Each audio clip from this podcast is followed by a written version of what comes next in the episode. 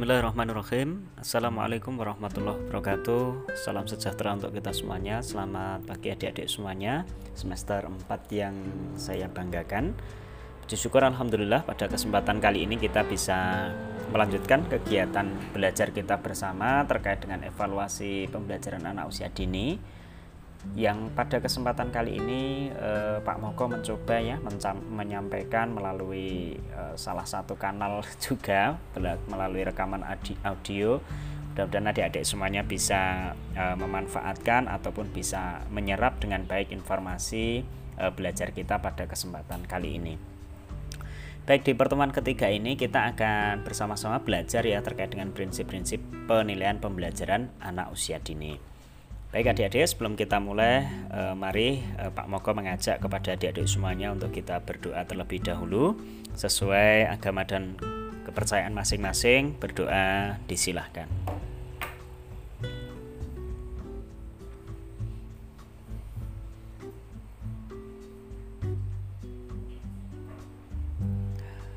Selesai, terima kasih adik-adik semuanya. Baik, kita langsung mulai dari slide nomor satu, yakni ini slide-nya Pak Moko beri judul terkait dengan analogi prinsip pemberian obat ya. Ini konsep yang atau analogi yang nanti akan kita gunakan untuk masuk ke dalam paparan materi inti kita. Jadi kalau kita pernah ya, eh, seandainya pernah berobat ke dokter, begitu ya, memeriksakan keadaan diri, atau pada waktu sakit kemudian kita pernah periksa ke dokter, maka kita akan mendapatkan eh, obat ataupun resep obat begitu. Nah, kalau Pak Moko membaca di e, beberapa referensi ya, salah satunya di referensi yang saya tampilkan atau saya cantumkan di e, slide PPT ini adalah bahwa ternyata setidak-tidaknya ada enam prinsip pemberian obat. Jadi sebelum obat itu sampai ke pasien, ya itu ada enam prinsip yang harus dilaksanakan ternyata oleh e, pemberi obat ini atau dalam hal ini bisa dokter atau dibantu dengan asisten atau perawat. Yang pertama contohnya adalah benar pasien, artinya memang harus diperiksa kembali betul e, identitas pasien, karena jangan-jangan nanti pasiennya bukan yang dimaksud atau keliru pasiennya, tentu obat juga akan keliru. Kemudian yang kedua adalah benar obatnya, jadi e, biasanya akan diperiksa kembali label kemasan obat itu ya minimal tiga kali sebelum e, diberikan kepada pasien. Nah ini yang ideal memang tiga kali, tetapi dalam praktiknya kita tidak tahu ya apakah memang karena sudah sangat hafal betul sehingga tidak perlu diperiksa kembali. Tetapi pada prinsipnya bahwa harus benar obatnya pada identitas pasien yang sudah ditetapkan. Kemudian yang ketiga adalah tentu harus benar dosisnya. Gitu ya, apakah akan diberikan tiga kali dalam satu hari, dua kali satu sehari, eh, dua kali sehari, dan seterusnya tentu masing-masing ada takaran yang harus e, diukur atau dituliskan dengan cermat dan teliti karena tentu saja kekeliruan dosis juga akan berdampak pada si pasien. Kemudian ada juga benar cara adik-adik. Jadi bagaimana cara memberikan obatnya? Apakah diminum ataukah dioles begitu ya? Karena jangan-jangan nanti keliru ya obat yang harusnya untuk di luar ternyata justru diminum kan akan berakibat membahayakan. Yang kelima adalah benar waktunya. Jadi kapan saja si pasien ini akan mengkonsumsi obat, misalnya apakah sesudah atau sebelum makan. Kemudian yang terakhir adalah benar dokumentasinya. Jadi baik dokter ataupun perawat ternyata mereka punya dokumentasi loh kalau kita e, pernah memperoleh obat atau mendapat pemeriksaan tertentu dari dokter yang bersangkutan. Jadi mereka punya semacam riwayat begitu ya, catatan gitu. Nah, ini tentu saja beberapa prinsip yang memang harus dipenuhi atau dipegang betul di dalam pemberian obat. Nah, kalau kita lanjut ke slide yang kedua, adik-adik semuanya, tentu kelalaian atas prinsip tadi ya, contoh di analogi pemberian obat tentu akan berpotensi memberikan dampak yang sangat fatal kepada pasien. Ya, kita coba bayangkan saja ya seandainya kita keliru meminum dosis obat tentu juga akan berdampak buruk. Belum lagi kalau tadi ya contoh-contoh gampangnya adalah ternyata obat yang diberikan adalah e, keliru pada pasien tertentu itu jadi identitasnya keliru sehingga yang tadinya pasien ini mengalami keluhan di sakit perut, yang satu ternyata mengalami keluhan di sakit kepala tentu ketika obat ini ya keliru begitu ya diberikan tentu akan memberikan dampak yang fatal. Nah, adik-adik semuanya, dampak kelalian ini dapat diketahui ya jangka dekat maupun juga jangka panjang ya bergantung pada uh, obat yang diberikan atau sakit yang diberikan gitu. Nah, kemudian akan muncul pertanyaan bagaimana kemudian kira-kira kalau di dalam dunia pendidikan ya. Jadi kalau ada prinsip-prinsip tertentu yang kemudian kita langgar begitu ya tanda petik kita langgar maka tentu akan memiliki dampak ya. Dampak itu apakah jangka pendek ataupun jangka panjang tentu eh, kita semuanya yang kemudian bisa mengamati itu secara cermat begitu ya. Oke kita lanjut ke eh, slide yang ketiga. Lalu apa sih sebenarnya makna prinsip itu? Kalau secara sederhana, Kamus Besar Bahasa Indonesia menjelaskan bahwa prinsip itu adik-adik semuanya adalah asas. Jadi kebenaran yang menjadi pokok dasar di dalam kita berpikir, bertindak, gitu ya, mengambil sikap, ya, menentukan keputusan dan sebagainya. Jadi asas itu sekali lagi adalah kebenaran yang menjadi pokok dasar. Yang memang prinsip ini kalau di dalam dunia profesi kita tentu prinsip ini merupakan kebenaran yang sudah menjadi kemufakatan atau kesepakatan di antara e, orang-orang yang ada di dalam e, satu lingkup ini apa namanya satu komunitas tertentu. Kalau kita di dalam dunia pendidikan berarti memang prinsip-prinsip yang sudah diyakini kebenarannya, disepakati kebenarannya oleh orang-orang yang memang ada di dalam dunia pendidikan atau dalam bahasa lain prinsip ini merupakan dasar atau acuan ya tadi ya sama ya berpikir, bertindak, mengambil keputusan dan sebagainya. Jadi landasan utamanya begitu. Kemudian ada yang jauh lebih strict ya kaku yang yang kemudian mendefinisikan bahwa prinsip ini adalah satu hukum adik-adik. Jadi tidak e, bisa tidak bisa itu harus seperti itu. Jadi tidak bisa tidak harus seperti itu. Jadi memang prinsip ini adalah sesuatu yang memang e, sifatnya kalau kita langgar tentu akan memiliki e, dampak atau akibat yang e, sangat fatal begitu. Jadi ada beberapa definisi ini ya adik-adik semuanya dan memang secara keseluruhan dari definisi ini menegaskan bahwa sebenarnya prinsip ini sekali lagi menjadi pijakan atau dasar atau landasan dalam kita melaksanakan segala sesuatu. Nah, kalau kita bicaranya prinsip dalam penilaian, tentu akhirnya kita akan memiliki satu e, definisi bahwa e, prinsip penilaian adalah e, satu pijakan, landasan atau dasar begitu ya, yang e, menjadi landasan kita gitu ya, pegangan kita di dalam melaksanakan seluruh proses penilaian itu tadi. Nah, seperti apa? Di dalam PAUD sendiri kalau kita berdasar pada masuk ke slide 4 ya. Permendikbud nomor 146 tahun 2014 ternyata ada 8 prinsip penilaian proses dan hasil belajar anak usia dini. Jadi sekali lagi ada 8 prinsip. Kalau tadi analogi pemberian resep obat tadi ada 6. Nah, kita di e, penilaian ada 8. Apa saja itu? Yang pertama adalah prinsip mendidik. Kita masuk ke slide 5 adik-adik. Prinsip mendidik. Yakni proses dan hasil penilaian dapat dijadikan dasar untuk memotivasi, mengembangkan, membina anak agar tumbuh dan berkembang secara optimal. Jadi kata kuncinya adalah bahwa penilaian yang kita lakukan ya, penilaian kita ini diupayakan mampu memotivasi.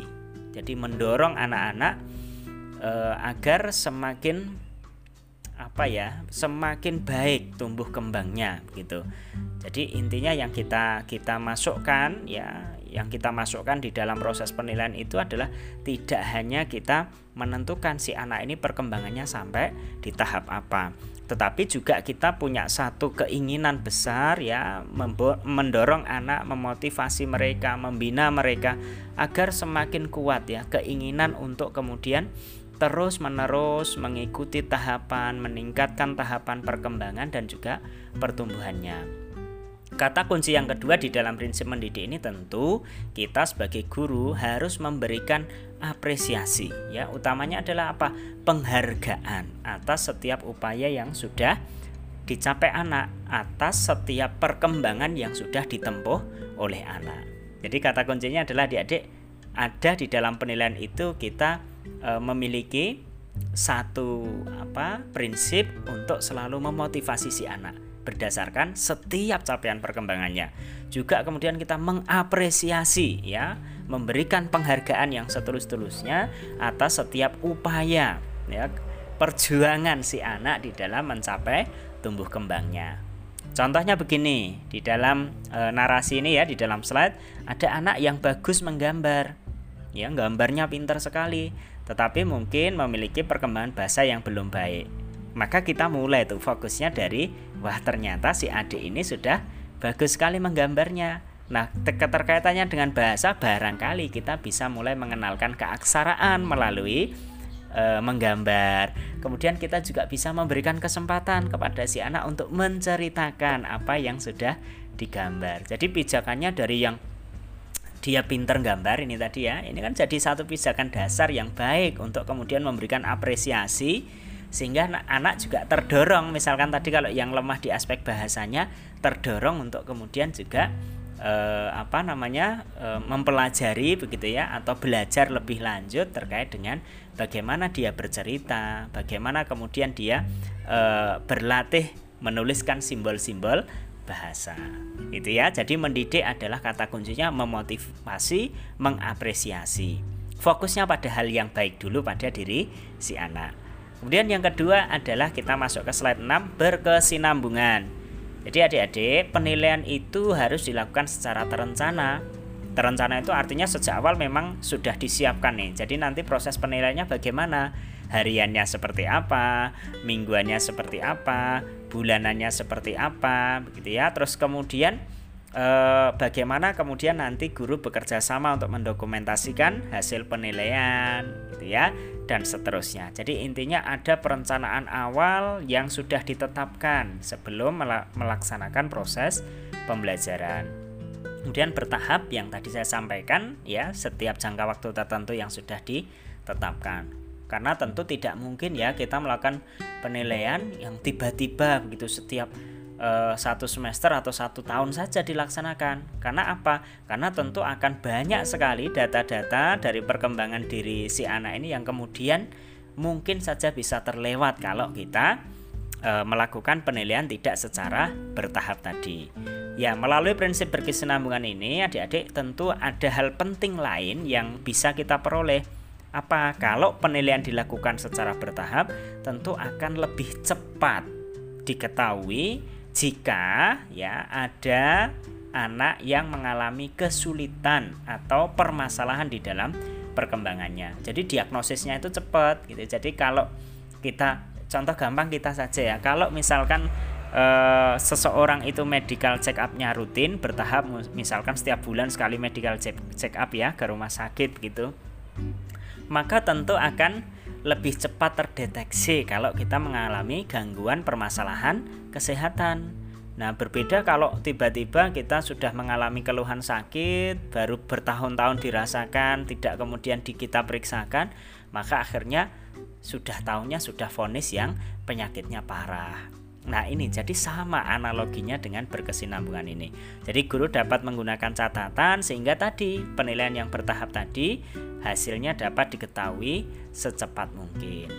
Kemudian yang ketiga adalah objektif adik-adik sekalian Kita masuk ke slide 7 Jadi penilaian itu didasarkan pada prosedurnya jelas Kriterianya itu jelas gitu ya Kriterianya indikator-indikator tiap apa tahapan perkembangan usia maupun aspeknya jelas. Kemudian sebaiknya memang tidak dipengaruhi unsur subjektivitas penilai. Ya, subjektivitas itu artinya kalau kita suka pada salah seorang anak, ini kita kita berikan penilaian yang baik. Kalau kita dekat dengan keluarganya, kita selalu berikan penilaian yang terbaik dan seterusnya. Jadi ada unsur subjektivitas gitu. Nah, ini yang tidak boleh sebenarnya. Nah, penilaian yang objektif itu adalah penilaian yang mampu memberikan informasi yang sebenar-benarnya. Artinya memang mendekati atau mendekati keadaan yang sebenarnya atas tumbuh kembang si anak. Gini ya, contohnya guru menyatakan bahwa anak bernama A ini mampu mengurutkan benda dengan pola ABC secara lancar tanpa dibantu guru maupun teman-temannya. Nah, ini faktanya seperti itu. Jadi ini penilaiannya objektif. Berbeda dengan situasi lainnya. Guru menyatakan bahwa si anak ini mampu mengurutkan benda dengan pola ABC, namun mengurutkannya kurang efektif. Nah, di sana ada penjelasan cara mengurutkannya kurang efektif. Nah, ini sudah masuk ke unsur subjektivitas, gitu ya. Jadi bukan fakta lagi yang dibicarakan, tetapi sudah masuk ke penilaian judgement oleh guru bahwa cara mengurutkannya kurang efektif gitu ya. Karena tentu saja efektifnya menurut orang dewasa kadang-kadang itu tidak sesuai dengan apa yang diinginkan atau apa yang e, menjadi tujuan si anak di dalam mengurutkan itu. Nah, ini yang yang yang kemudian kadang-kadang tercampuri dengan unsur subjektivitas. Sekali lagi tidak boleh ya sebenarnya. Jadi fokusnya pada apa ya fakta yang dijumpai selama mengamati misalkan ya. Itu yang disampaikan. Kemudian yang keempat adik-adik slide nomor 8 adalah akuntabel Kata kuncinya adalah bahwa penilaian ini harus sesuai dengan prosedur. Jadi proses kita melakukan penilaian, kemudian kriteria yang menjadi acuan ya atau indikator yang menjadi acuan itu harus dapat kita pertanggungjawabkan. Gitu ya, baik kepada orang tua maupun pihak-pihak e, terkait yang e, memiliki kepentingan untuk melihat proses penilaian yang kita lakukan. Gitu, Jadi kemudian penilaian itu tidak tiba-tiba kemudian dilaksanakan begitu saja tanpa mematuhi prosedur yang ada tanpa menggunakan indikator yang jelas. Nah, ini yang tidak boleh. Jadi harus bisa dipertanggungjawabkan. Terutama hasilnya.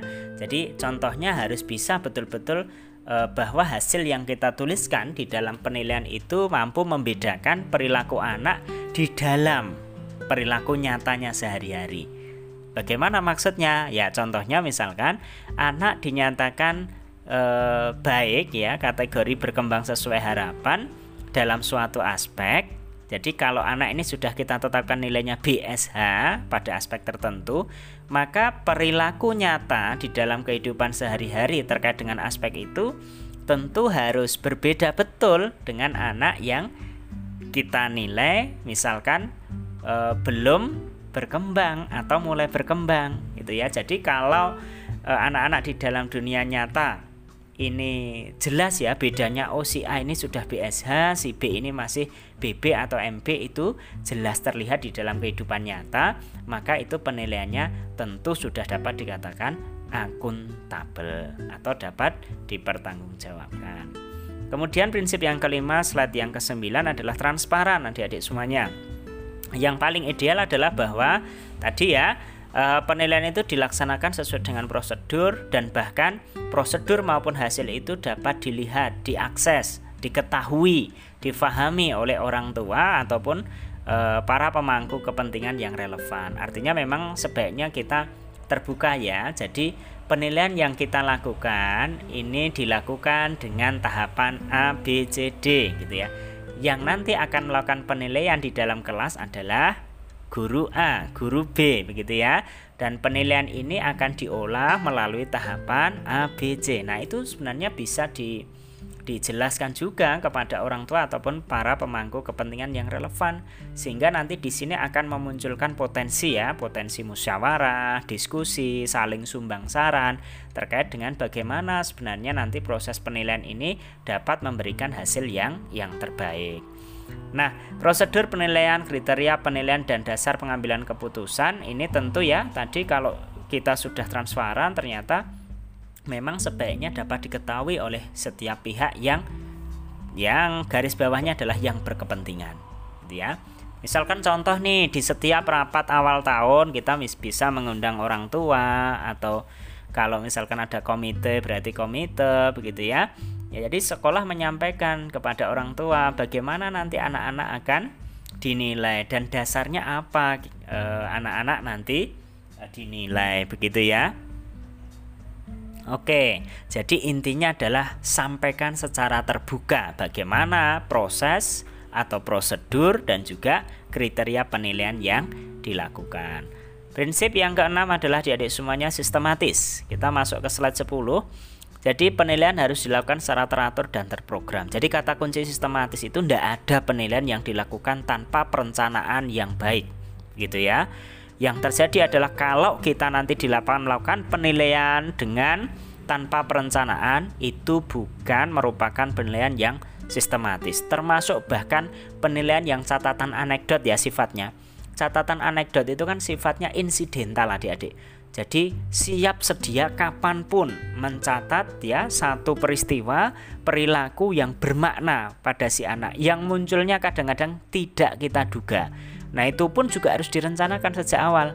Kalau sudah direncanakan sejak awal tentu guru setiap hari akan siap sedia mendokumentasikan, mencatat setiap perilaku yang uh, insidental muncul itu tadi. Ya, jadi eh, penilaian yang baik adalah penilaian yang di awal selalu diprogramkan dengan baik.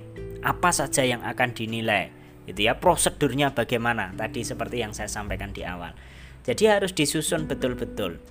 Nah, realnya atau nyatanya adalah bahwa sekolah tentu harus memiliki rancangan program penilaian belajar anak. Gitu ya. Nanti kalau sekolah belum punya bagaimana kita sebagai guru harus berinisiatif. Gitu ya. Bagaimana nanti saya akan menilai, gitu ya Misalkan mingguannya seperti apa, bulanannya akan saya lakukan seperti apa, gitu ya. Termasuk juga bagaimana kerjasama dengan orang tua ataupun guru sejawat yang lain, gitu ya. Tentu e, perencanaan ini, pemrograman ini harus juga disesuaikan dengan usia anak, gitu ya. Program belajarnya berapa lama satu semester, berapa minggu ketemu dengan anak, berapa tema yang nanti dibelajarkan dan seterusnya. Jadi Intinya sekali lagi sistematis terkait dengan bagaimana proses penilaian ini kita susun secara teratur, secara pro, e, terprogram dan sesuai dengan kebutuhan di e, kebutuhan anak maupun kebutuhan lembaga kita. Nah, itu sistematis. Kemudian yang ketujuh, slide ke-11 adik-adik semuanya adalah menyeluruh. Artinya karena kita di PAUD punya enam aspek perkembangan ya adik-adik semuanya. Nah, itu harus dinilai semuanya gitu ya. Jadi harapannya begitu e, semua aspek pertumbuhan dan perkembangan itu dinilai semuanya baik mulai dari hmm, KD 1 sampai dengan KD 4. Artinya mulai dari sikap, pengetahuan sampai dengan keterampilan. Jadi aspeknya 6 ditambah e, apa namanya? Hmm, eh, perkembangannya ya mulai dari sikap, pengetahuan maupun keterampilannya gitu ya. Jadi enam aspek semuanya harus dinilai. Oke, prinsip yang terakhir adik-adik semuanya yang ke-8 adalah bermakna. Apa maksudnya bermakna? Jadi, harapan besarnya kalau seluruh prinsip tadi penilaian tadi kita jadikan landasan ya di dalam melaksanakan proses penilaian, maka harapannya adalah hasil penilaian yang sudah kita laksanakan sudah kita olah dan sudah kita susun hasilnya dengan sistematis, maka akan memberikan informasi yang bermanfaat. Nah, bagi siapa? Baik mulai dari anak, orang tua, ya pendidik sendiri maupun juga pihak lain yang terkait atau yang relevan gitu ya. Jadi kata kuncinya penilaian bermakna itu setelah melalui proses yang panjang, melalui e, pelaksanaan prinsip-prinsip penilaian yang e, tadi sudah difahami 1 sampai 7 sehingga informasinya benar-benar bermanfaat. Mengapa kok bisa bermanfaat? Ya sekali lagi kalau prosesnya dilalui dengan baik, prinsip-prinsip dipegang dengan baik, maka guru akan dapat memberikan penilaian yang benar-benar menggambarkan gitu ya, benar-benar menggambarkan ketercapaian pertumbuhan si anak gitu ya. Apakah ada kemudian penilaian yang eh, tidak benar-benar menggambarkan tumbuh kembang anak ya barangkali ya tanpa melalui proses yang eh, benar kemudian tanpa memegang prinsip-prinsip penilaian maka potensi ya kita memberikan e, penilaian yang tidak benar itu juga mungkin terjadi. Ya artinya memang kalau hasil penilaiannya itu tidak menggambarkan yang sebenarnya tumbuh kembang si anak tentu informasi itu justru tidak akan bermanfaat bagi anak, orang tua, pendidik maupun pihak lain. Ya bagaimana mau bermanfaat? Karena apa? Ya informasi yang kita berikan tentu tidak yang sebenarnya atau ternyata justru malah berlawanan dengan yang terjadi pada diri si anak. Nah, ini akan nanti akibatnya akan uh, saling berkaitan gitu ya. Ternyata mungkin stimulasi yang diberikan oleh guru pada jenjang atau tahap yang berikutnya ternyata tidak sesuai. Atau kemudian ketika sudah naik kepada jenjang yang berikutnya kita mengatakan oh ini kemampuan bahasanya sudah baik. Tetapi ternyata di kelas kok anaknya masih belum respon terhadap berbagai macam petunjuk misalkan ya. Petunjuk lisan maupun tulisan begitu nggih. Terus kemudian untuk melakukan sesuatu masih butuh pendampingan e, terkait dengan apa misalkan bercerita dan seterusnya. Nah, ini justru akan memberikan kesulitan ya baik bagi si anak sendiri ataupun guru pada jenjang berikutnya. Nah, itu tadi misalnya begitu. Artinya kalau informasi yang kita sampaikan ini tidak menggambarkan yang sebenar-benarnya pada tumbuh kembang si anak, tentu dampaknya akan sangat terkait erat dengan proses-proses belajar anak yang berikutnya gitu ya. Jadi sekali lagi kalau prinsipnya difahami dengan baik, dilaksanakan dengan baik, prosedurnya ditetapkan dan dilaksanakan dengan baik, maka harapannya akan muncul ya, akan tercipta informasi yang benar-benar e, sesuai dengan tumbuh kembang si anak dan informasi tersebut akan sangat bermanfaat baik bagi anak, orang tua, pendidik maupun pihak lain yang relevan. Nah, adik-adik semuanya, uh, itulah tadi ada delapan prinsip uh, bagaimana kita melaksanakan penilaian pada uh, anak usia dini. Yang mudah-mudahan dari keenam prinsip ini bisa kita pahami dengan baik ya. Mulai dari tadi mendidik berkesinambungan kemudian objektif ya meninggalkan unsur-unsur subjektivitas tadi. Kemudian ada akuntabel ya benar-benar mampu memberikan perbedaan yang nyata bagaimana setiap skala yang kita berikan atas perkembangan anak itu di lapangan memang bisa diamati perbedaannya dalam perilaku nyata. Kemudian yang kelima transparan ya.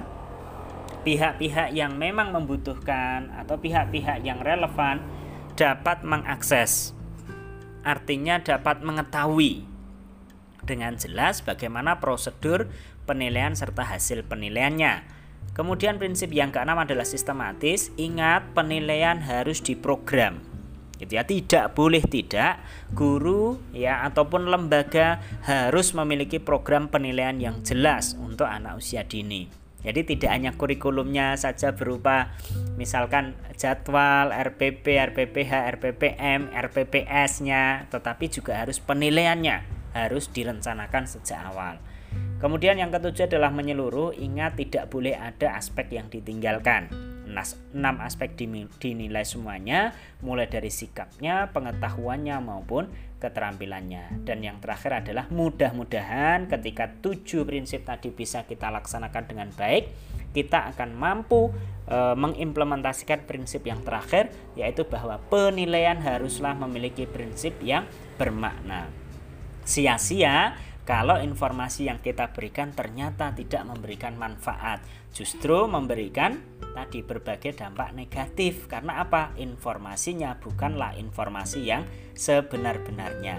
Artinya integritas, kejujuran kita sebagai seorang guru di dalam memberikan penilaian pada si anak ini menjadi faktor utama yang perlu kita kuatkan sejak sekarang ini. Terima kasih adik-adik semuanya. Demikian yang dapat Pak Moko sampaikan terkait dengan prinsip penilaian pembelajaran anak usia dini. Mudah-mudahan dapat difahami. Selamat belajar ya. Jika ada pertanyaan-pertanyaan mungkin bisa langsung disampaikan nanti dalam sesi diskusi baik di grup WA ataupun juga sesi pertemuan yang akan datang. Terima kasih. Wassalamualaikum warahmatullahi wabarakatuh.